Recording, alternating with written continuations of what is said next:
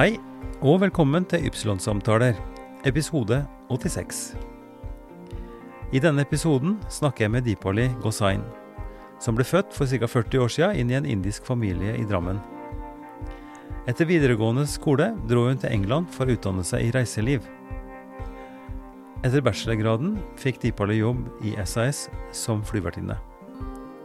Men etter kort tid fikk hun tilbud om å jobbe i i privatflyet til en russisk milliardær.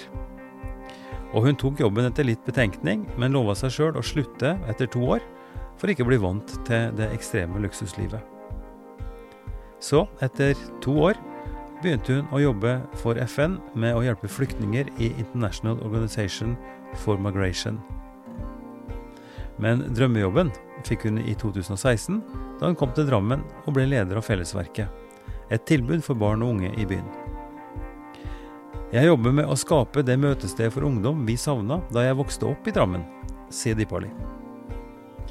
Dipali Gosain, velkommen til studioet mitt. Tusen takk. Veldig I hyggelig. kulda? Ja, veldig hyggelig å komme inn til litt godt og varmt og tekopp i handa. Så Ja, dette er veldig ja, hyggelig. Ja.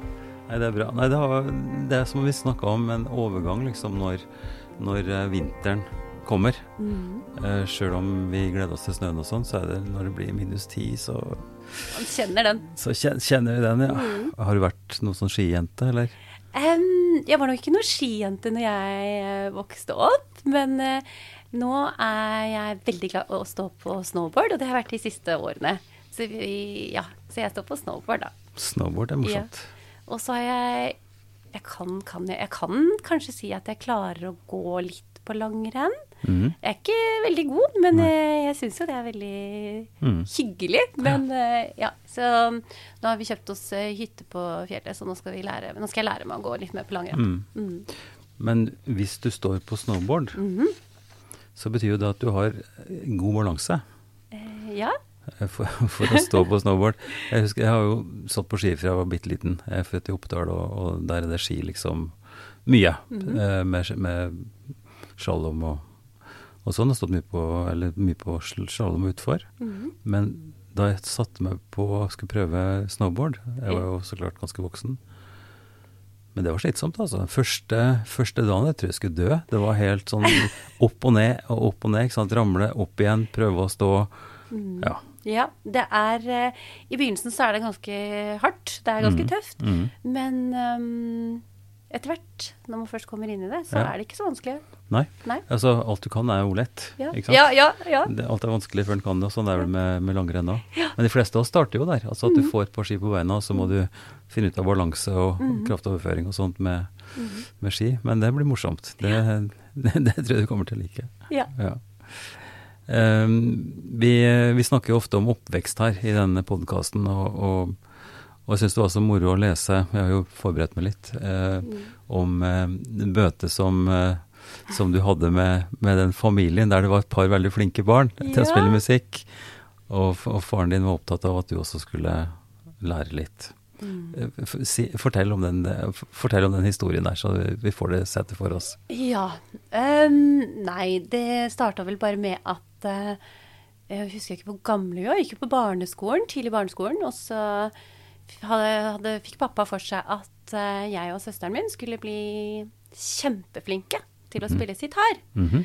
Fordi han hadde jo en eh, kompis Mhm. som da mm, hadde, var veldig god på En god musik, musikklærer. Mm. Eh, instrument, på sitar og tabla diverse. Og han hadde da barn, tre barn, som var veldig gode på dette. Og vi skulle jo bli like gode, hvis Mhm. ikke enda flinkere enn de, da. Ambisiøs pappa. Veldig ambisiøs. Så han um, Så vi hadde vel egentlig ikke så mye vi kunne si på det, men eh, Og da plutselig så var vi på vei opp, da, og de bodde da på Fjell på den tiden. Mm. Da var vi opp på, på vei til Fjell, og så kom vi inn til da, som jeg også har sagt tidligere, da, at eh, kom inn til onkel mm. og Uncle G, barna. Uncle G, er det ikke Uncle det? G, ja. Og kom inn der, og der um, satt da alle med instrument hver. Dattera med sitar og broren med tabla og sånn. Og så sa vi hei, og så satte vi oss ned, og så fikk vi en sitar hver. Og så skulle vi lære oss å spille sitar. Så um, Det er ganske bratt eh, bakke. Det er ganske Ja, men det var veldig ofte sånn, da. Ja, ja. Med, sånn, eh, ja, med pappa. Ja. Han var eh, veldig impulsiv, og ingenting var noe problem. Nei. Nei. Nei, men det er jo bra utgangspunkt, det, da. Ja ja, absolutt. absolutt. Men det var jo veldig gøy, og det var jo veldig Som jeg ser tilbake på det nå, så var det jo veldig artig. Jeg skulle ønske um, at vi hadde fortsatt med det, men det var jo Det er jo det med at når man blir litt sånn tvunget inn i ting, Mm. så varer det kanskje ikke så lenge. Eh, så da merket vel pappa at det var ikke helt eh, den store interessen hos kanskje meg og søsteren min å lære oss gitar, så da holdt vi på med det i kanskje et halvt år eller noe. Men det ble konsert. Det ble konsert! det ble det. Hvor var den konserten hen? Eh, vet du hva, det var et eller annet sted i Oslo, tror jeg. Eh, vi var vel bare noen støttespillere for de andre barna som var kjempegode. Eh, så jeg har jo kanskje fortrengt det litt. Men det var konsert, altså. Jeg mener å huske at man betalt, måtte betale for å komme inn og se på oss. Mm. Så um, da var pappa veldig, veldig stolt. Mm. Sånne konserter, vet du. Ja. Musikkskolekonserter og sånt. Ja. Eh, Men det må jo være sånn, altså at alle får være med. De Ja. som går på kurset, de som er med, skal, skal også komme på, på konserten. Ja, Mm. absolutt. Mm. Det, var, det ble med den ene konserten, da. Men altså, musiker, det, det var ikke noe løpebane du valgte. Nei, Nei. det var det absolutt ikke. Finnes ikke noe musikalsk i det hele tatt. Nei, det er ikke å lære bare å skjønne denne sitaren med alle de strengene og sånn. Vi har jo hatt en samtale med, Ja. med Rohini, Ja. som vi nå snakka om, ikke sant? Rohini mm. Joy. Rohini, Saipal og, og Jai Shankar. Ja. Som begge to har utmerka seg, og Mhm. som virkelig, i tillegg til andre ting, så klart også har valgt musikk mm. og jobba mye med det. Så Mhm. den, for de som hører på nå, kan jo prøve å finne en samtale med Rohini. For det er Ja. også en veldig interessant samtale om kultur, musikk og, og de valga hun har gjort.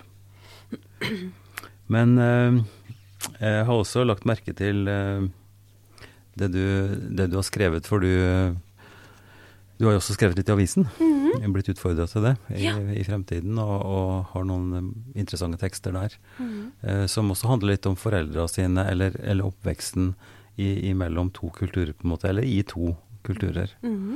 Eh, og som jeg sa til deg også, har jeg nå nettopp lest boka til til Abid Raja, Mhm. eh, som har jo en veldig dramatisk barndom, og, og for så vidt oppvekst, hvor, hvor eh, skal vi si det spenningsfulle da, mellom det å vokse opp i en norsk kontekst med, med sterk indisk tradisjon og, og kultur, mm. eh, ja, var krevende for han.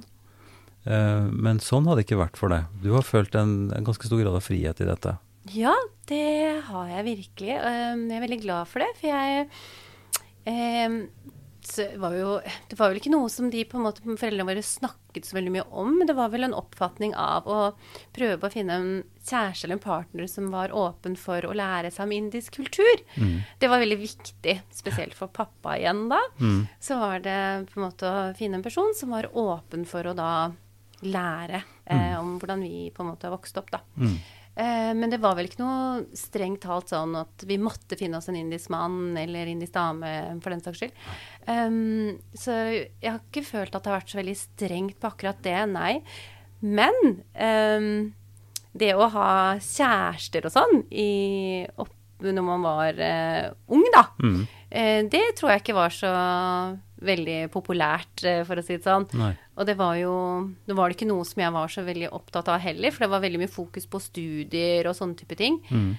Um, men det var i hvert fall uh, Ja, man kunne jo dele kanskje litt mer med mamma, Mm. uh, men pappa var jo veldig streng på det å ha guttevenner, og de skulle godkjennes Mm. av pappa. Um, det var vel kanskje det strengeste som jeg husker. Mm. Men det var ikke noe på at de skulle ha en form for religion eller ikke. Nei. Nei. Nei, men, men det er jo kjent, altså vi som har døtre, jeg har jo Mhm. også to døtre, Ja. det er klart i en viss fase så er man jo opptatt og engstelig for at det skal skje noe gærent. Mm. Eh, mens hele ungdomstida og, og den perioden handler jo mye om å finne ut av hvem man er, og være sammen med, med venner og, og sånt. Det er utrolig viktig. Så denne friheten og samtidig den følelsen av at man er trygg, da, det, det er jo et viktig poeng for foreldre. Mm, absolutt. Så det, det skjønner jeg kanskje bedre nå enn eh, enn gjorde i min egen oppvekst. Mm. Men, men du sier også at, eh, at eh, mammaen din hadde tilgang til, til dagbok. Ja. Altså at det var måte, om ikke et krav, så i hvert fall noe som hun forventa for Ja. å kunne ha en viss type kontroll, da.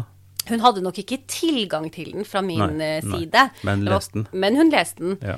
Og det la hun ikke skjul på heller. Nei. At uh, hun leste den. Um, det var vel hennes måte å føle seg trygg på. At uh, hun visste vel at de eh, nå er, Jeg tror ikke det er så veldig vanlig blant Kanskje ikke det var sånn hun vokste opp, men de skrev ikke dagbøker. Mm. Um, men det gjorde vi når vi vokste opp. Mm. Da skrev vi dagbøker, og, det, og der skrev man jo alt. Mm. Eh, Så det hadde jo mamma fått med seg, så da var det bare å gå gjennom den eh, fra dag til dag sikkert, og se om det var noe spennende som skjedde i livet mitt som jeg ikke hadde fortalt henne om, da. Ja. Eh, ja. Så den hadde hun selv valgt å ha tilgang til. Men når du fikk greie på det, så vil vel det bety en viss skal vi si, forsiktighet med hva du skrev også, eller, eller kom dette fram seinere? Eh, nei, ja, vet du hva. Jeg, etter, etterkant så Jeg tror liksom at jeg hadde ikke så mye som jeg skjul... Eller det var liksom ikke så Nei. mye jeg trengte å skrive som jeg ikke delte med de. Ehm, så jeg trengte vel ikke å være forsiktig med hva jeg skrev, eh, på en måte. Men uh, ja, så det var vel eh, Det som sto der, det sto der, på en måte. Mm. Og så fikk hun takle det som hun ville. Men i oppveksten din, Ja. den, på den tida her, var det også mulighet for å kunne ha steder å vanke, altså være sammen med folk, henge, som man sier nå, Mm. med, med like altså folk på samme alder. Hvordan var situasjonen da? Ja, vet du hva. Det som har vært veldig fint da i oppveksten, føler jeg, at vi hadde veldig sånn åpent hjem. Mm. Så mamma og pappa var veldig åpne for å mm, De var veldig glad i at eh, vi kunne være hos oss. Mm. Og det var jo sikkert da igjen, da hadde jo de sikkert Ja. mer kontroll. Ja. Um, Men veldig, veldig flott, da, med Ja. et åpent hjem. Ja, veldig. Mm. Uh, så jeg eh, ja, Vi er jo vokst opp med at uh, det var jo mennesker inn og ut hele tiden. Det var et åpent hus. Mm. Åpent dør. Uh, så da hadde vi som oftest var vi hos oss, egentlig. Mm. Uh, og hvis jeg var ute, så ville de ha veldig mm, skulle, Jeg skulle de skulle få tak i, de skulle ha nummeret til til foreldre, og de Ja. skulle vite. Ja. Så der var det vel Men jeg vet ikke hvor ulikt det var fra de andre vennene mine også, men der var de såpass strenge at de, de skulle vite hvor vi var, Mm. og adresse og telefonnummeret til foreldre. Men det er klokt. Det er jo sånn en bør gjøre. Ja. Ja. ja. Mm. Så utenom det, så var det, det var ikke noe mer på en måte utenom det, men uh, som ofte så var vi jo hos oss, da. Mm. Mm, Og da så de muligheten til å inkludere de etnisk norske vennene mine i alt, med indisk kultur og festivaler og diverse ting, på en måte. Mm. Ja. Uh, og den koblinga til indisk kultur, i tillegg til at faren din ville at du skulle spille sitar og sånn, Mhm. Det, det var også en, en kobling mot, eh, mot tempelet, vil jeg tro. At dere Ja. hadde noen besøk der i året. Ja, det hadde vi. Mm. Um, vi måtte vel eh, vi, måtte, vi var der vel i hvert fall på Diwali. Mm. Um, for de som ikke vet det, så er det jo en sånn stor lysfestival, da. Mm. Som er veldig stort feiret da i India, indisk kultur. Så da måtte kan du ikke si litt mer om den Diwali? Ja. Hvordan den artet seg liksom i, i sånn som du opplevde det? Ja, Diwali, sånn som vi vokste opp med, var em, at eh, vi våknet opp så oftest på Diwali til at veldig tidlig, for pappa ba jo, pleide å be, eh, flere ganger om dagen, og pappa da Det var en bjelle han hadde, som han begynte som han begynte med hver morgen. Så den, på Diwali så var det, varte den ekstra lenge. Mm. Da visste vi at å, i dag er det Diwali, for nå varer den bjella her Han ringte vel på den i med flere minutter um, på morgenen. Og så var det eh, skole hvis det var en hverdag, og hvis det var helg, så var det på en måte frokost og litt sånne type ting. Og så var det da på ettermiddagen kveld, da, så var vi Skulle man synge litt indiske bønnesanger, var det Mm, helt mm. sikkert. En Eh, slags, en slags salmer, på en måte? Salme, ja, jeg aner jo ikke hva, de, hva vi sang for noe, men det var noe sånt. Og så var det tenne lys i hele huset, og det var mer sånn familietid, da, på en måte. Mm. Ja, Ja. akkurat. Eh, hva, med, hva med tempelet? Ja, og så tempelet så var det mm, I tempelet så var det jo større feiring da. Da var, møttes jo flere indiske familier, og der var det på en måte var, da satt man og hørte på folk eh, synge, prate, og så var det mat på slutten, og alle pynta seg. Det var en samling, på en måte, Mm. eh, som varte over flere mange timer. Mm. Um, så det var en, og så tente man eh, lys og Ja. Det var liksom litt det samme, bare mye større, da, Ja, i tempelet. Ja. Mm. Eh, og da var tempelet i Slemmestad dere besøkte, sikkert? Ja, det stemmer. Mm. Nå er det jo et tempel her også i, I Ja. byen oppe på, Åsia, eller oppe på, Det er faktisk ikke langt unna der, vi- på Landfalløya. på Landfalløya. Mm, har det ja. til et tempel. Mm. Ja, nei, det er også et fint, uh, fint tempel, syns jeg. Mhm. Med, med alt som et tempel skal ha. Mm. Og statuer og Ja. Men uh, altså jeg er jo prest sjøl og sånn, og har jo en fornemmelse av at uh, Og når jeg var som unge, så var det ganske kjedelig med, med preken, alt det verbale som skjedde. Mm. Eh, hvordan er det i tempelet? Tenkte du på det? Altså er, er, har presten en, en, en tale, eller altså er det mest Kan du ikke si litt om Ja. hvordan du opplevde det? Ja, Tempelet i, i, på det på Slemmestad når vi var der, så var det med på en måte at det var veldig mye sang, og så Mm. var det en del eh, Ja, presten pratet Vet du hva, For å være helt ærlig, så forsto vi ikke så mye Nei. av det presten sa. Fordi Det er det, kanskje var ikke så uvanlig i norske kirker. Nei, fordi det var så innmari eh, den, eh, Nå snakker jo jeg både hindi og punjabi og forstår eh, på en måte, men det var vel mer en sanskrit-hindi, på en måte. Veldig sånn gammel hindi som, vi, som jeg per dags dato ikke forstår, da. Med, med ord, ord og begreper som var vanskelig å skjønne? Ja, Ja. veldig. Mm. Uh, så da var det mer og vi var jo, Så vi var egentlig mer opptatt av Det var jo andre barn og Ja, unge der. Ja. Så vi var vel mer opptatt av kikke litt på hverandre og tulle litt, sikkert. Og, eh, ja, og så fikk vi litt pauser innimellom hvor vi lekte. Hadde bare et eget område hvor barn og unge kunne Mm. Ja. leke litt. Ja. Eh, litt sånn type ting, da. Eh, og så ble man jo litt eldre, og da, måtte man, da satt man der og bare var tålmodig, egentlig, og gleda Mm. seg til at det var ferdig, for da var det indisk mat. Mm. På slutten av alt, da, så er det jo Mm. Så samles man jo, og så spiser man mat og sånn, da. Men det er en del Det er veldig mye mer liv. På en måte, De synger, og det er instrumenter, og det er mye som skjer, da. Det er, det er harmonium og tabla Ja. for det meste? Ja, det Mm. også. Ja. Så det er eh, På Tivali er det vel mer av det, ja. Ja. Mm. Nei, fordi eh, altså jeg prøver jo å, å dra litt sammenligning eh, i, i, i kirka, for der, har- der har vi jo noe som vi kaller trosopplæring. Altså mm.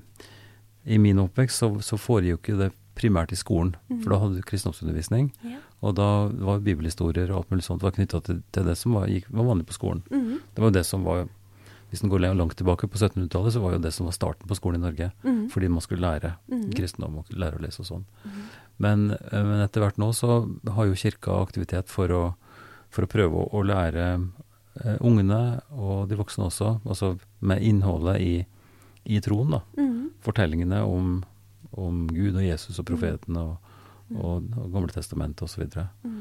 Uh, men så uh, var du utsatt for, eller lærte du noe sånt i, i en type familiesetting, eller, eller var det, det var skolens undervisning som Ja, Som nei, vet du, jeg lærte ikke så mye av det, nei, ikke sånn familiesetting eller Nei. noe, men det, innimellom fra dag til dag så var det, prøvde vel mamma og pappa å fortelle oss litt om eh, eh, noe sånt, Mm. men det har ikke vært noe fokus på det Nei. på en måte. Nei. Det var det ikke, men vi har jo liksom, lærte vel mest om hinduismen på skolen, Ja, nettopp. eh, fordi opprinnelig så er jo, mamma og pappa er jo hinduer da. Mm. Mm. Ja. Nei, for, for det er jo noe som er spesielt ved norsk norske undervisninga, at man har Man underviser de enkelte tros- og religiøse eh, lærerne eh, på en måte som skal være rettferdig Mhm. overfor den som har den eh, tro. Sant? At det ikke er på en måte vinkla sånn at de andre blir forklart litt med venstrehånda, ikke så Mhm. viktig, men altså man legger vekt på å, å formidle Mhm. på en ordentlig måte hva, -hmm. hva det handler om. Ja. Nei, vi har ikke noe sånn eh, på, Det som også er med hinduisme, da, er at eller sånn som mamma og pappa i- gjennom hele oppveksten har vært veldig opptatt av f.eks. karma og det å være et godt menneske. Mhm. Så det har jo vært eh, dagligdags eh, hvor de har prøvd å lære oss det, da. Mm. Så det har vært mye mer det istedenfor på en måte de, alle de hundrevis av forskjellige gudene, at vi skulle lære oss navn på de, hva de sto for. Det var vel ikke det som var fokus. Nei. Men mye mer fokus på at eh, ja, bare være et godt menneske, egentlig. Mm. Og hvordan være et godt menneske. Ja, Mm. for karma, karma handler om at, at du blir på en måte merka eller prega av, av ting som du gjør, Mm. både på godt og vondt. og så at det er med på å gi retning for, Mhm. for livet videre. Mhm. Og kanskje også i, i det neste, Neste livet. liv, Ja, mhm. ja. Absolutt. Det er også en interessant eh, og viktig forståelse, på en måte det her med at man hele tida har en, en slags vekstpotensial. Mhm. At, at man kan utvikle seg over tid. Mm. Jeg merker at det var jo veldig fordi på skolen så hadde jo jeg Det var jo flere Nå var det ikke så mange som ikke var etnisk norske i klassen min, eller på skolen vår, da, når, vi, når jeg gikk på barneskolen. Mm. Men i, og de vi hadde, de var ikke med i kristendommen, for eksempel. De hadde ikke kristendom. De hadde vel egen eh, de ble tatt ut av kristendommen, da. De valgte Mm. vel det selv, eller uh, foreldre. Men jeg hadde jo kristendom. Mm. Så jeg skulle være Det syns, det syns liksom mamma at det var viktig, at jeg også Mm. lærte meg om kristendom, Mm. kristendommen og sånn type ting. Mm. Og, så jeg merket jo at jeg var jo litt forvirret eh, ganske lenge, for jeg husker at eh, de på skolen og lærere Ja, men tror du liksom på kristendommen, eller er det hinduisme? Så var jeg litt sånn jeg tror jo på et liv etter døden, og så tror jeg jo på Gud og Jesus også. Så det var jo Mm. lenge hvor jeg trodde på begge deler. Mm. Um, men jeg var egentlig ganske trygg på at ja, det er ikke så viktig for meg å egentlig Jeg må ikke tro på det ene eller det andre. Det er vel noe mer som på en måte Mm. eksisterer der. Så sånn sett så Og det er jeg også veldig glad for at jeg ikke ble tatt ut. At jeg lærte også. Mm. Fikk lære om kristendommen og lære å være en del av det, da. Mm. Eh, og så hadde jeg jo også mm, eh, etter skolen litt sånn morsmål, team, litt sånn Mm. undervisning, da. Mm. Eh, for da fikk vi Da fikk liksom pappa litt sånn at ja, men siden hun går på kristendom, så kan hun jo sikkert lære seg litt. Eh, kanskje gjennom sånn morsmål, da, som vi Mm. hadde et par timer eller noe. Mm. Jeg husker det er så lenge siden det var første klasse på barneskolen, andre klasse, tror jeg. Mm. Så da hadde vi litt det også. Men eh, ja, jeg vil bare Jeg var litt uh, forvirra en god stund på hva jeg trodde på. Ja, Ja. og det, det kan du si er jo kanskje det baksida av den medaljen. Mm. Eh, for det du snakker om at unge ble tatt ut av undervisninga, mhm. det var jo i en lang periode hvor det var livssynsundervisning. Ja. Mm. Hu- Human-Etisk Forbund og folk som da ikke ønska å ha kristendomsundervisning, ble tatt Mhm. ut. Men så ble jo det faget, eh, faget utvikla som det heter KRLE, mhm, altså i kristendom og religion mm. og etikk. Eh, ja, altså det, at, og det, det kom jo som et resultat av et, faktisk av et dialogprosjekt, mm. hvor eh, folk fra ulike tro- og livssynssamfunn eh, jobba for at det Mhm. skulle bli en større likhet, Mm. men også at ungene skulle være sammen. mhm. Nettopp av den grunn at det, det er fint å kunne lære om, om de andres eh, og de forskjellige trosretningene Mhm. som fins, Mhm. Og at en dermed kan bli litt mer kjent eh, med det. Mhm. Samtidig som det da så klart gir en risiko for at man ikke klarer helt å få med seg Mhm. eh, forskjellene. Ja. Eh, så, og, og det er også grunnen til at, eh, at myndighetene da sier at da må de enkelte trossamfunn sørge for å gi den dybdeundervisningen. Mm? Mhm. Sånn at, eh, at i kirka så lærer folk Da er det trosopplæring som, som kirkelig ansatte jobber med Mhm. for barn og ungdom. Og Mhm. tilsvarende midler blir jo gitt til de andre Ja. For å kunne ha forskjellig undervisning, da. Mhm.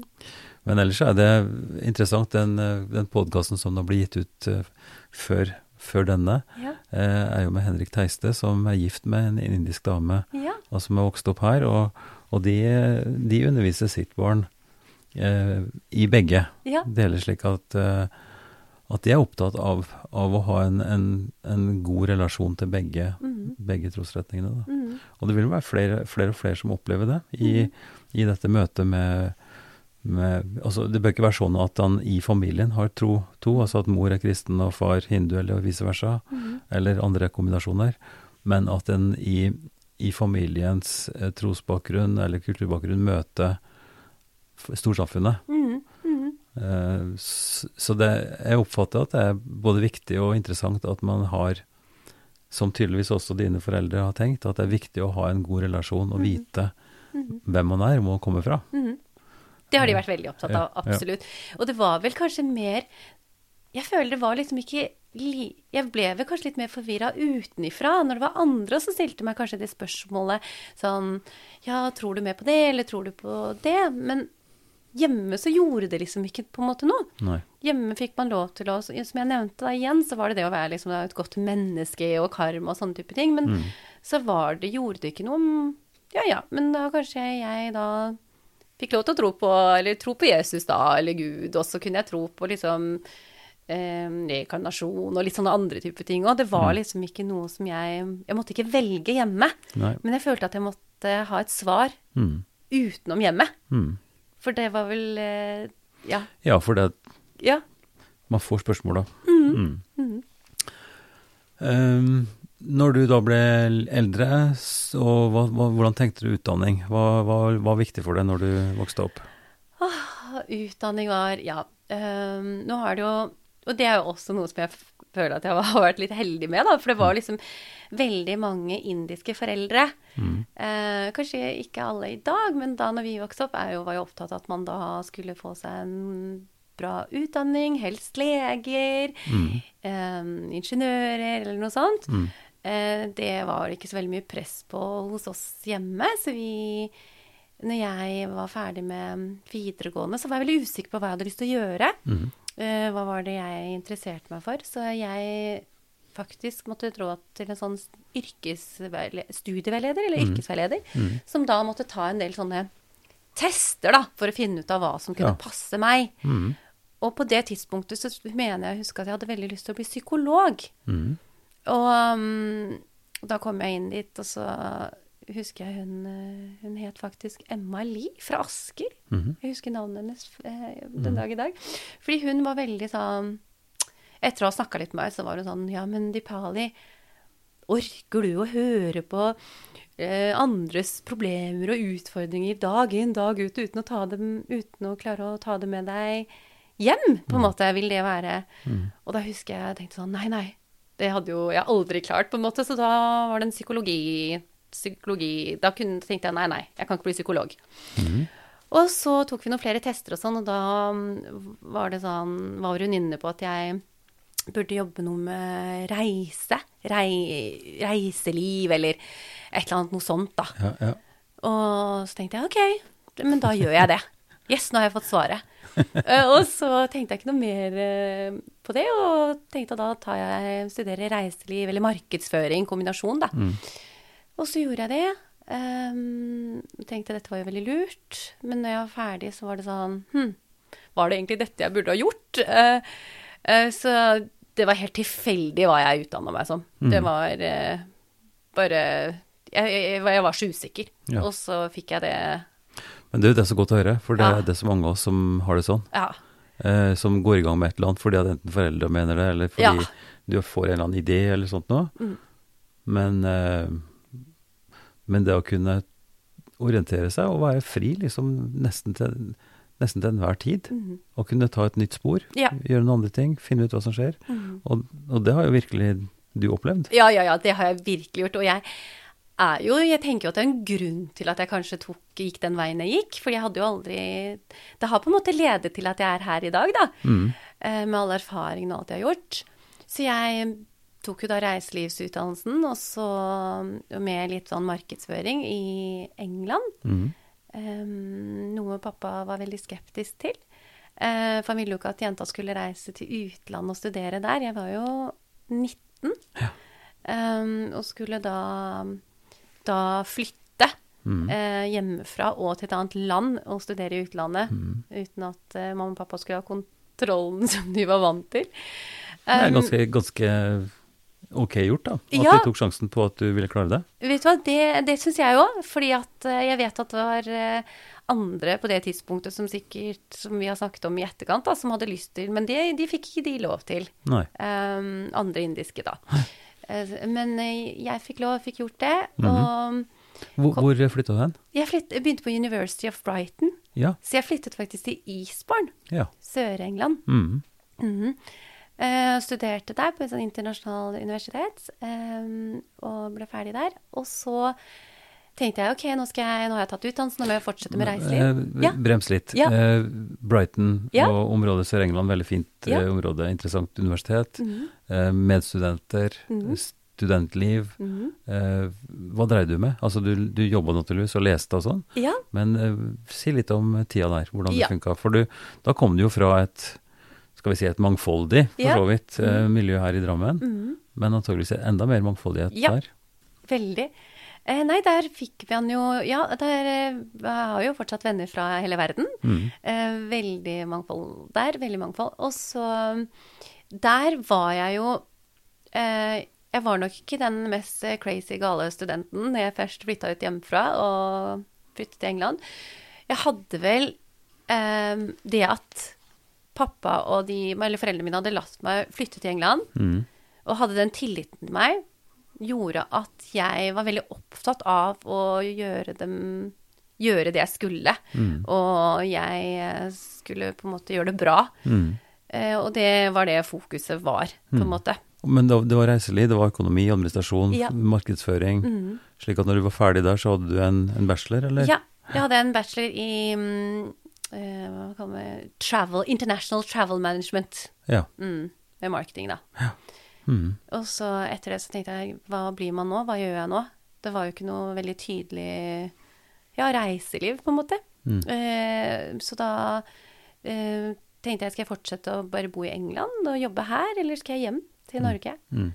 Em, og da, da bestemte jeg meg for å dra hjem til Norge. eh, og begynne å jobbe ja, hjemme. Mm. Mhm. Og så ble det etter hvert eh, Jeg vet ikke hva som skjedde imellom det, men jeg vet jo at du, du jobba også som, eh, som steward, eller som stewardess. Ja, Altså flyvertinne. ja. Jeg begynte med en gang jeg kom hjem, så begynte jeg å jobbe på Sjekken. På ja. Gardermoen, het det da. da. Mm. Og da mm, begynte jeg der, og så var det en veldig lang sommer der, for det var jo veldig tøft å jobbe som Sjekken-personale. Mm. Eh, og da når vi Mye, var mye heftige folk.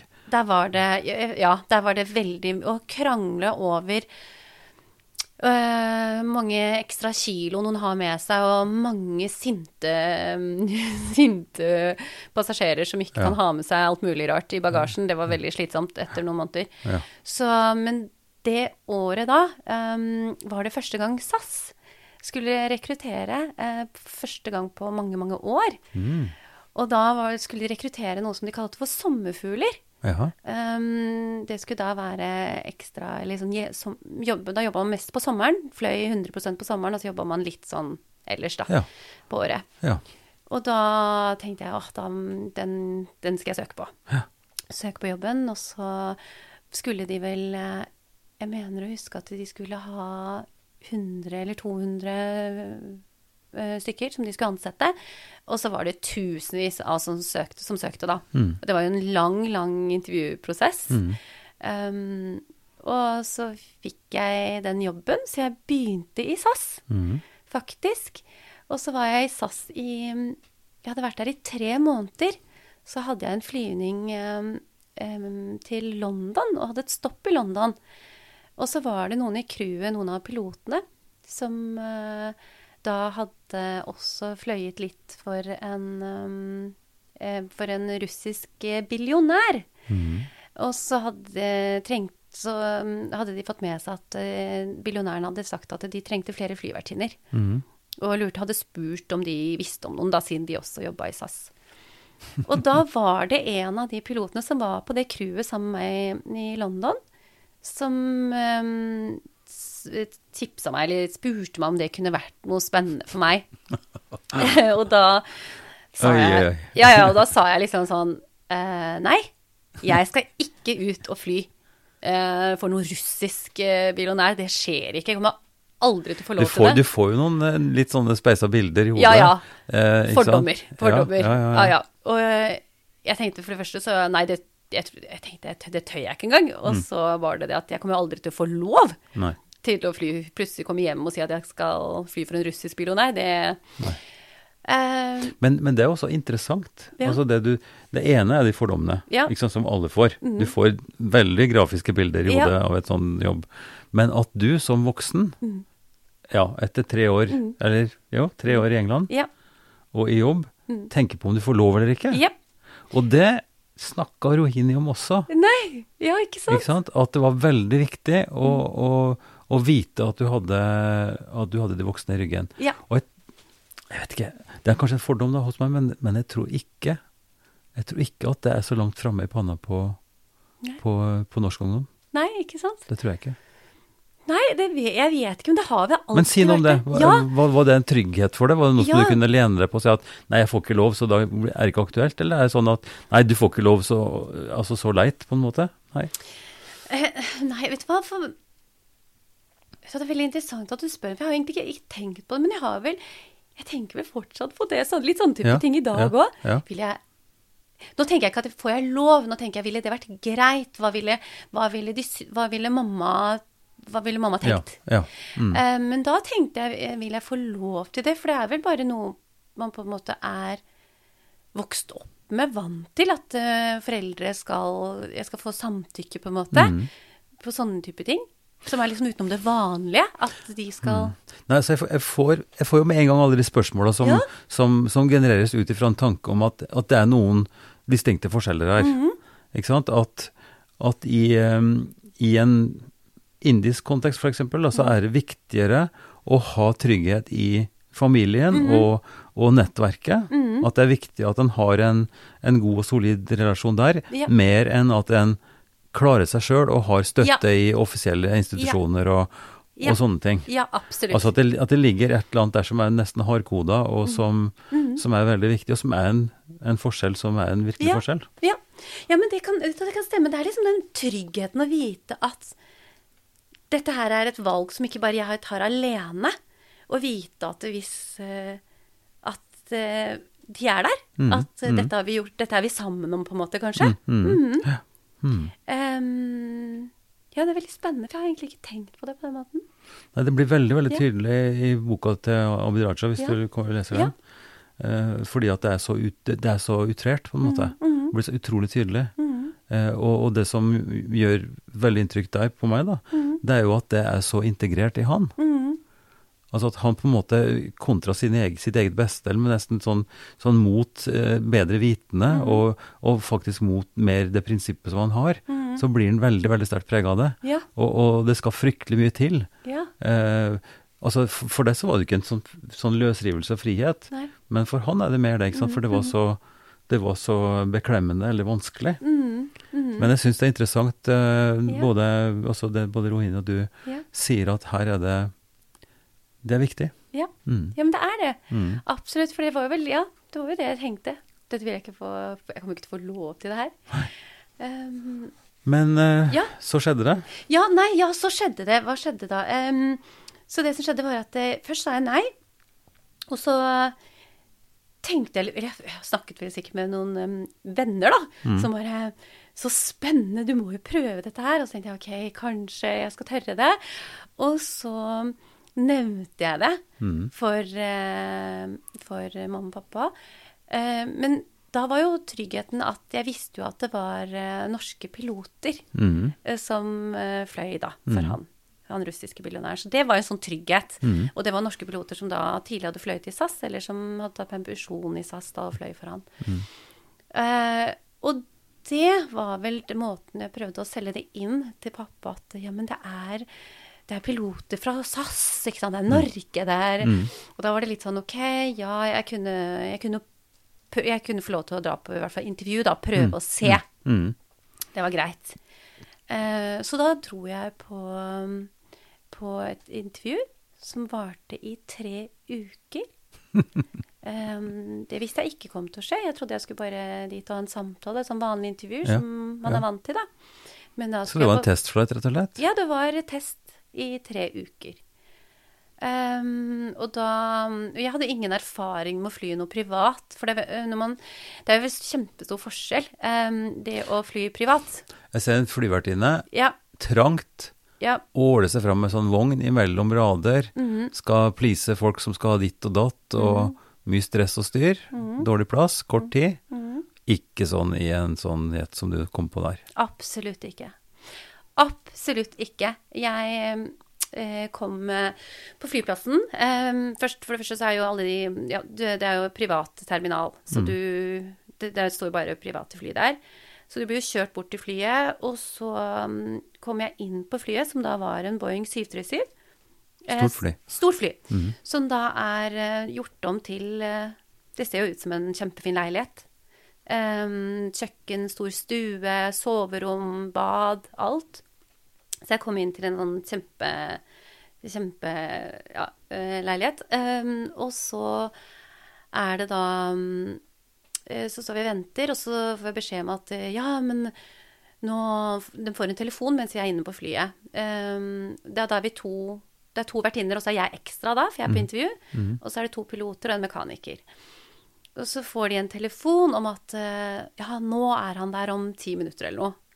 Og da løper alle rundt og sprayer godduft og rister på puter og eh, sølvservis, alt eh, legges ut, og det tar helt av på de minuttene. Og så tenker jeg, hvem er det som kommer nå? Kom. Er, hva, ja, hva er det som skjer nå? Og da kommer da han eh, russeren med et kjempeentourage. Med butlere, med eh, sånn style managers, med livvakter, med alt. Og så kommer de om bord, og så er det jo egentlig helt vanlige mennesker. For meg så var det Jeg visste jo ikke om de var ingenting. Um, og så er det da uh, fem-ti minutter på bakken før man skal ta av, og da skal alt legges tilbake igjen. Alt som var lagt ut for de ti minuttene. eh, Kaviarsett og vin og champagner og alt mulig. Og så skal det da Han rører det ikke, og så legges alt tilbake igjen. Det var så mye rart For meg var det bare sånn Hva er det som skjer? Dette er en helt annen verden. Og så kommer man da opp eh, i lufta, og så er det da lunsj eller middag eller hva det var, og da er det full dekke på fullt bord med alt. Det er som å jobbe på Det var som å jobbe på en kjempeluksuriøs restaurant Ja. i lufta. Mm, mm. Eh, mhm.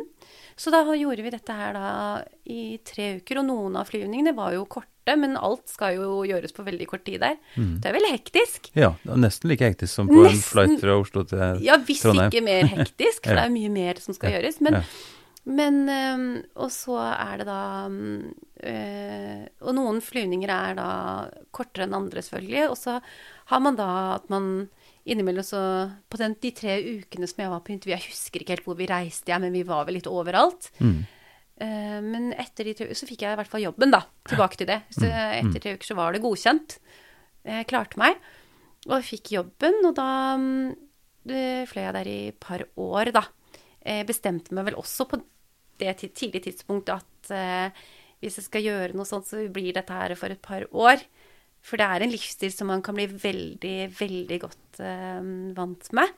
Gode vilkår på, Veldig. på mange vis. Veldig. Mhm. Um, første gangen jeg eh, hadde et stopp da med Når jeg fløy på privat, og vi skulle lande et sted, og jeg tror det var i Moskva, og skulle da videre om en uke, så bodde vi jo på en sånn Jeg, jeg kan vel kanskje kalle det for en syvstjerners hotell med egen butler. Plutselig hadde jeg en butler. Så det var jo helt vilt å eh, leve sånn eh, i et par år. Eh, og så holdt jeg meg til det, og sa opp etter eh, å ha vært der i et par år. Mm. Men eh, for en opplevelse, da. Ja, det var helt fantastisk. Rundt omkring i hele verden, antagelig. Hele verden. Ja. Var med på alt mulig rart. Eh, Noen ganger så kunne man jo For vi hadde jo tre Jeg jobbet jo tre uker på og tre uker av. Mm. Så kunne det jo hende at eh, når jeg begynte på jobb, at flyet sto på Maldivene da, kanskje. Mm. Og da fløy jeg til Maldivene, og så kunne det hende at han da bestemte seg for å være der i tre uker. Mm. Og da dro jeg dit, og så var jeg på standby på Maldivene i tre uker, og så fløy Ikke kanskje dumt. ingenting. Ikke så, dumt. Nei, så fløy jeg hjem igjen. Altså, det høres jo helt ut sånn eh, som et eventyr, naturligvis. Ja. Eh, snakk om å ønske å bli flyvertinne, Ja. og så få en sånn Ja. jobb. Det er jo liksom som å bli prinsesse, på en måte. Og, og, eh, men hva du, men hvis du skal være liksom, sånn kritisk rasjonell Mm. eh, og tenke hva, hva, hva kan man få med seg av det? Hva er det du tenker på etterpå som du virkelig lærte noe om, som du har, som du kan liksom Mm. Altså én ting er alle opplevelsene, det skjønner jeg, men, men hva er det du tar med deg fra de to åra som en verdi, på en måte? Ja. Um, jeg Det Hva er det jeg tar med meg? Det er egentlig ganske mye. Mm. Men jeg har jo en ting som jeg Det er jo Jeg er veldig takknemlig for hun ene Jeg må bare si det. Jeg er veldig takknemlig, takknemlig for hun ene vertinna Mm. som eh, var sjefsvertinna der. Mm. Som hadde ansvar for å lære meg opp. Mm. Um, jeg var eh, For det var jo, som jeg har nevnt litt, det var ganske hektisk og tøft Mm. å jobbe der. Og det er veldig høye krav. Mm. men eh, hun var råtøff. Hun var beintøff. Og hun, en av de første tingene hun sa til meg, var, eh, var på engelsk, men hun sa til meg at jeg kommer til å fortelle deg ting én gang. Eh, hvis du spør meg igjen, så får du Eller du kan ikke spørre meg igjen. Du må finne ut av ting på egen hånd andre gangen. Mm. Så hun lær... Det er noe som jeg har tatt med meg, det, det har jeg fortsatt i dag. Mm. Så jeg var eh, Kom da jeg var veldig naiv og var veldig sånn Å, hvordan gjør jeg dette? Og var litt sånn usikker på ting og tang. Men etter å ha vært der i to år, så var jeg ganske Jeg fikk veldig mye selvtillit og ble ganske sikker Ja, jeg var um, Du måtte stole på deg sjøl. Ja, jeg måtte stole på meg selv. Ja. Og jeg ble um, mye, mye tøffere på de to årene i å ta valg, da. Jeg ble kjempegod på å ta valg Mm. og stå innafor de valgene jeg hadde tatt, da.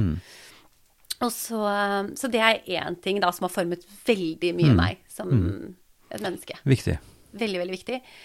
Og så har jeg jo også sett eh, Etter å ha fått ting kastet etter seg Vi hadde jo så mye mat, og vi pleide å Det var så mye mat som ble kastet, og det var liksom det livet, egentlig. Og så Ja, det var jo det å fly og leve et sånt liv. Og så var det jo allikevel også kanskje ganske ensomt, for jeg hadde jo ikke noen å dele det med, bortsett fra crewet. Og det er jo da Det var jo ikke noe familie eller venner. Jeg gikk jo glipp av bryllupet til bestevenninnen min. Mm. Eh, for jeg jobbet jo som sagt tre uker på tre uker. Jeg kunne jo ikke bare ta fri når jeg ville, på en måte, og jeg var langt borte. Så det var jo ganske ensomt også. Eh, så det Jeg har jo satt mye mer pris på det å være nære mine venner og familie. Mm. Eh, det har jeg. Og så har jeg også Så setter jeg skikkelig pris på å leve et veldig sånn normalt liv, jeg. Mm. Og um, liksom Enk enklere. en, Ja, mye enklere, Ja. faktisk. Mm. Um, veldig gøy og kult å ha fått oppleve det og sett det. Mm. Men uh, jeg er Men hvis vi spoler litt fortere nå, så, Ja. så gjorde du det mange vil si dramatisk og nesten uforståelige valget å, å kutte ut et sånt liv. Eh, og så var det uh, reiseliv igjen. Men så skjedde det jo noe, for da fikk du en jobb i FN-systemet Ja. som var helt på andre sida. Ja. For da skulle du ta ansvar for flyktninger eh, som hadde fått avslag, Mm, og hjelpe de til å finne fotfeste igjen. mm, Kanskje ikke i hjemlandet de kom fra, men et annet sted. mm. Kan ikke du si litt om hva den jobben var? Mm, hva, hva sa du? Det var den Det, jobben? hva, hva den jobben gikk ut på? Ja, det, du, hva, da jobbet jeg med frivillig retur i IOM, International Organization of Migration. Mm. Så da fikk jeg den jobben, og da jobbet jeg med ja, å bistå eh, asylsøkere som har fått nei på um, asyl da, i Norge. Mm. Mm. Og hjelpe Hvilket år er vi på nå, omtrent? Vi er i 20... tre- Nei, 2010? 20 Ja. Vent litt, nå tenker jeg 20 Det er så lenge siden. Mm. Mm, mm. 20, Men det var før den store flyktningkrisen og, ja, og alt dette her? Ja, det var det. Ja, ja. det var Mm, det. Mm. Eh, så det var um, ja, rundt da. Og, um, så da skulle jeg da bistå med å hjelpe til med um, å sende de da hjem. Mm. På en mer sånn human måte, Mm. hvor de kunne hvor vi bestilte flybilletter til de, og hadde samtale med de, og tok den kjipe samtalen da, og si at nå har vi nå har vi ordna med billetter, nå må du hjem. Mm. Mhm. eh, selv om det var jo heldigvis ikke det å Vi jobba jo ikke med å deportere på noen som helst måte, men det var jo det å på en måte hjelpe dem med liten økonomisk noe økonomisk når de kom til hjemlandet sitt, at de hadde noe, og billetter, da. Mm. Så eh, jobba sammen med politi, eller Jobba veldig tett med UDI. Ja. Mm. Slik at når du snakker om deportasjon, så ser vi jo disse her Mm. Får disse bildene av eh, politi som banker på midt på natta og drar folk ut og Ja. den stilen der. Mm. Vi visste, og det var jo flere av de som vi på en måte hadde ordna med billetter til, som hadde søkt om frivillig assistert retur, som da hadde blitt deportert. Som da mm, Som vi hørte om, da, som det ikke ble noe av. Mm. Em, ja, så jeg har jobbet med det, og så jobber jeg også med familiegjenforening. Mhm. Litt hyggeligere. Ja, mye, mye hyggeligere Mm. å jobbe med. Eh, mye hyggeligere å ta en telefon til familie og si at nå, nå har vi billetter til barna deres. Mm. Men også. UDI tilknytta. Mm. Ja. Også UDI.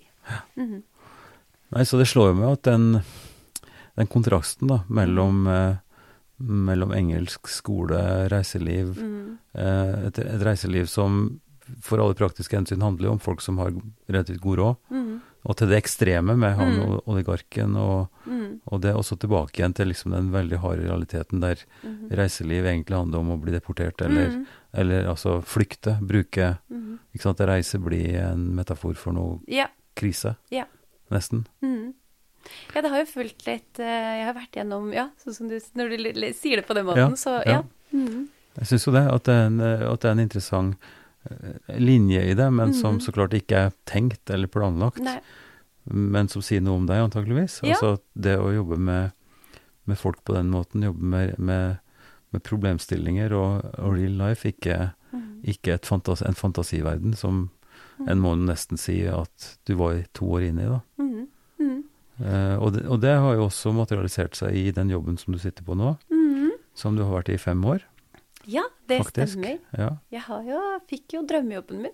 ja. Eh, Og drøm, drømmejobben er altså innenfor Røde Kors-systemet Ja. og, og en, eh, en virksomhet for ungdom. Mm.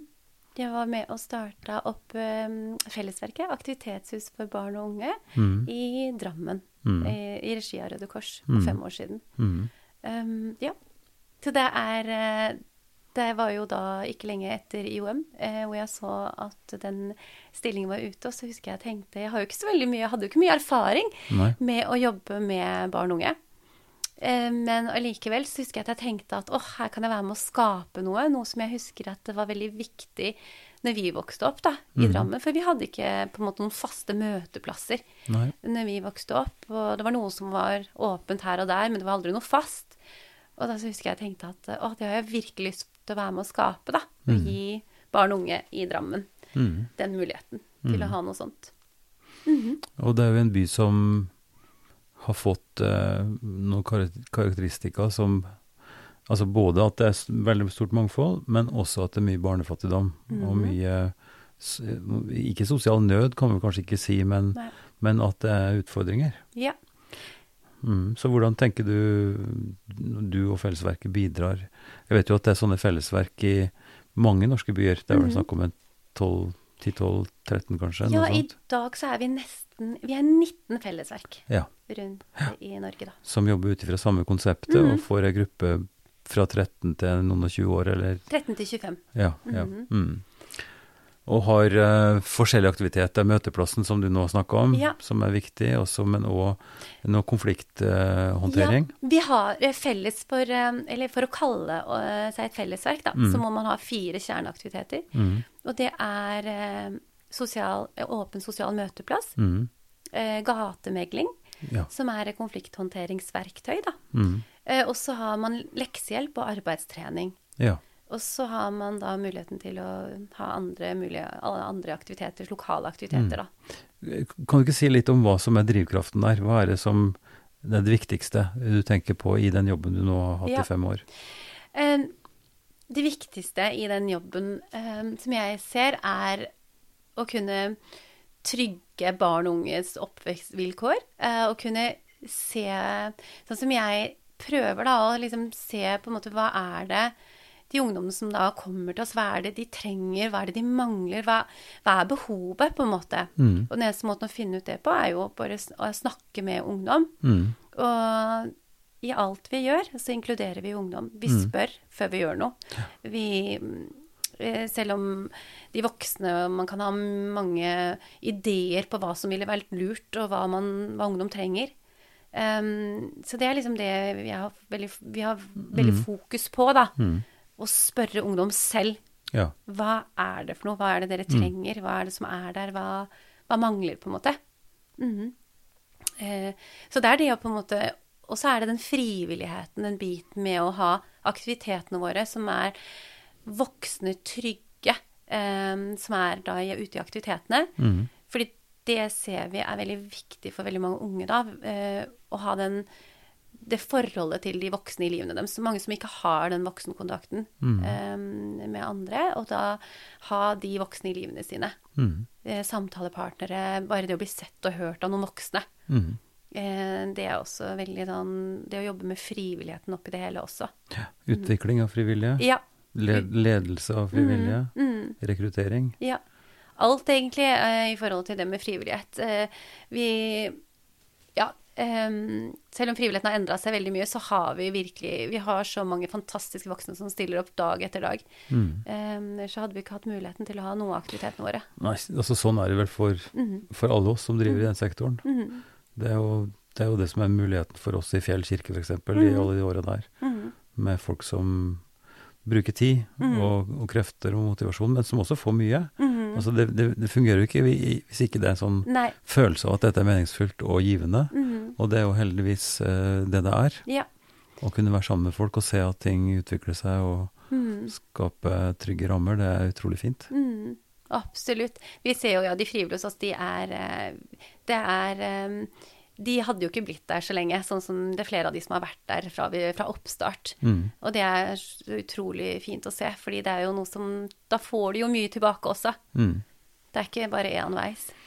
Hvordan er profilen? Hvem, hvem er det som bruker det mest? Altså Vi tenker på aldersspennet fra 13 til 25, da. Det er jo ganske Ja. langt spenn. Ja, vet du hva, vi har, vi har valgt å dele de ulike aktivitetene i forskjellige aldersspenn. på en måte. Vi har Åpen sosial møteplass er for de mellom 13 og 18. Mm. Og der er det mest um, 14- og 15-åringer som kommer. Mm. Uh, og så har vi nå starta opp en ny møteplass for de mellom 18 og 25. Ja, Uh, fordi at det er helt andre interesser du Ja. har når du er mellom 18 og 25. åpenbart. Ja. Ja. Og så har vi da på en måte andre type Vi har jentekvelder. Vi har litt aktiviteter hvor det er mindre grupper da, som kan møte opp også. Mm. Det er ikke alle som er komfortable med å komme opp på sånne store, åpne sosiale møteplasser. Så vi har litt forskjellig Mm. aldersspenn, men det er mest, mest eh, 14-15-åringer som bruker aktivitetene våre, da. Mm. Mm. Men hva, hva tenker du er det som du ser som det viktigste nå framover i, i, i den tida som kommer, for Fellesverket og for ditt arbeid? Em, ja, tenker du da i forhold til hvis det skulle oppstå noe Nå tenker jeg generelt. Ja. Altså, du må jo være i en beredskap for hva som helst kan skje, egentlig. Ja. Vet du hva, det jeg tenker på er at uh, vi Jeg er, jeg er faktisk ikke så bekymra, for jeg føler at vi lærte så utrolig mye Mm. når det var nedstengt. Og vi har så mye vi har så mye med erfaring nå, mye Det ville bare blitt enda Vi kunne gjort det enda bedre enn det vi Mm, mm. gjorde sist. Mm. Um, men vi er forberedt på at hvis det skulle skje noe, så har vi mange Vi har digital møteplass, vi har så mange aktiviteter som vi kan gå tilbake til. Um, og så Det viktigste er å ikke stenge ned helt, selvfølgelig. Um, og engasjere, fortsette å engasjere ungdom i det vi gjør fremover, på en måte. Mm. Um, jeg vet ikke helt om det svarte på det du lurte på. Jo, men- jo ja, altså mm. det er jo det ene når vi tenker uh, Altså det, det er jo så spennende, man lærer jo hele tida. Mm. Å bli pusha i en retning som man ikke visste om at man, man kom. Mm. Uh, og så hadde jeg lært masse på digitale eh, møteplasser og alt mulig sånt nå. Men det handler jo også om å takle situasjoner underveis. Mm. Det er jo mange som ser med ja, med uro på at f.eks. vold, da, altså slåsskamper, Mm. ungdomsmiljøer som er eksponert for, for ting, og det er jo ikke noe nytt heller, men hvordan dette også i store møteplasser Mm. er en utfordring. Mm. Eh, men det er ting som, som dere takler, og som, som Mm. funker greit, liksom, av voksen, Ja. voksennærvær, eller hvordan tenker dere om Ja, det? vet du hva, vi har eh, Jeg vet ikke om vi har vært veldig Vi hadde veldig tøffe første år. Mm. eh, hvor ting måtte på plass, og rutiner og regler og diverse ting. Men det har blitt en kultur, og det er liksom allerede Vi har husregler og diverse. Vi har vært veldig heldige. Vi har liksom ikke hatt de store så Nei. store sånne type utfordringer. Det vi har hatt, er mer at ungdom har blitt mer og mer åpne, og de åpner seg veldig mye for å snakke om ting. Mm. Og da kommer det opp en del bekymringsfulle ting, på en måte som man og, Men vi har så god kontakt med ungdomstorget, ungdomsteamet, så vi har jo veldig mange som jobber med dette sammen, Mm. som vi da mm, prøver å sette Så det går an å kontakte og få sk- skaffa en type videre oppfølging og sånt? Ja, og det gjør vi.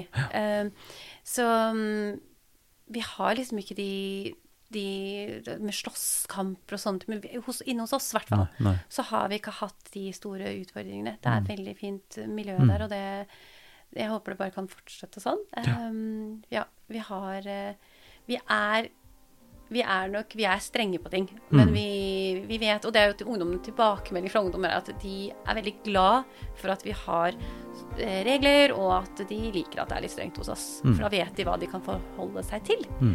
Og det er jo veldig fint.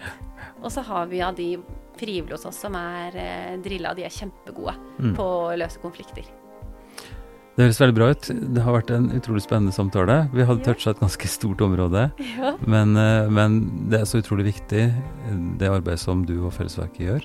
Ja. Så jeg ønsker deg og dine medarbeidere lykke til. Nå uansett om det blir sånn eller slik, så er det behov for eh, folk som bryr seg, og som gjør en jobb for ungdom. Så takk skal du ha, og lykke til videre. Tusen takk for at jeg fikk komme. Du har nå hørt en episode av Ypsilon-samtaler, podkasten fra Kirkelig dialogsenter. Den er støtta av Barne- og familiedepartementet, av Drammen kommune og av Einar Juels legat. Vi er veldig glad for tilbakemeldinger og forslag til personer som du ønsker vi skal ta kontakt med for å ta en prat. Du kan sende en mail til ivar.krøllalfa.kirkeligdialogsenter.no krøllalfa kirkeligdialogsenter.no.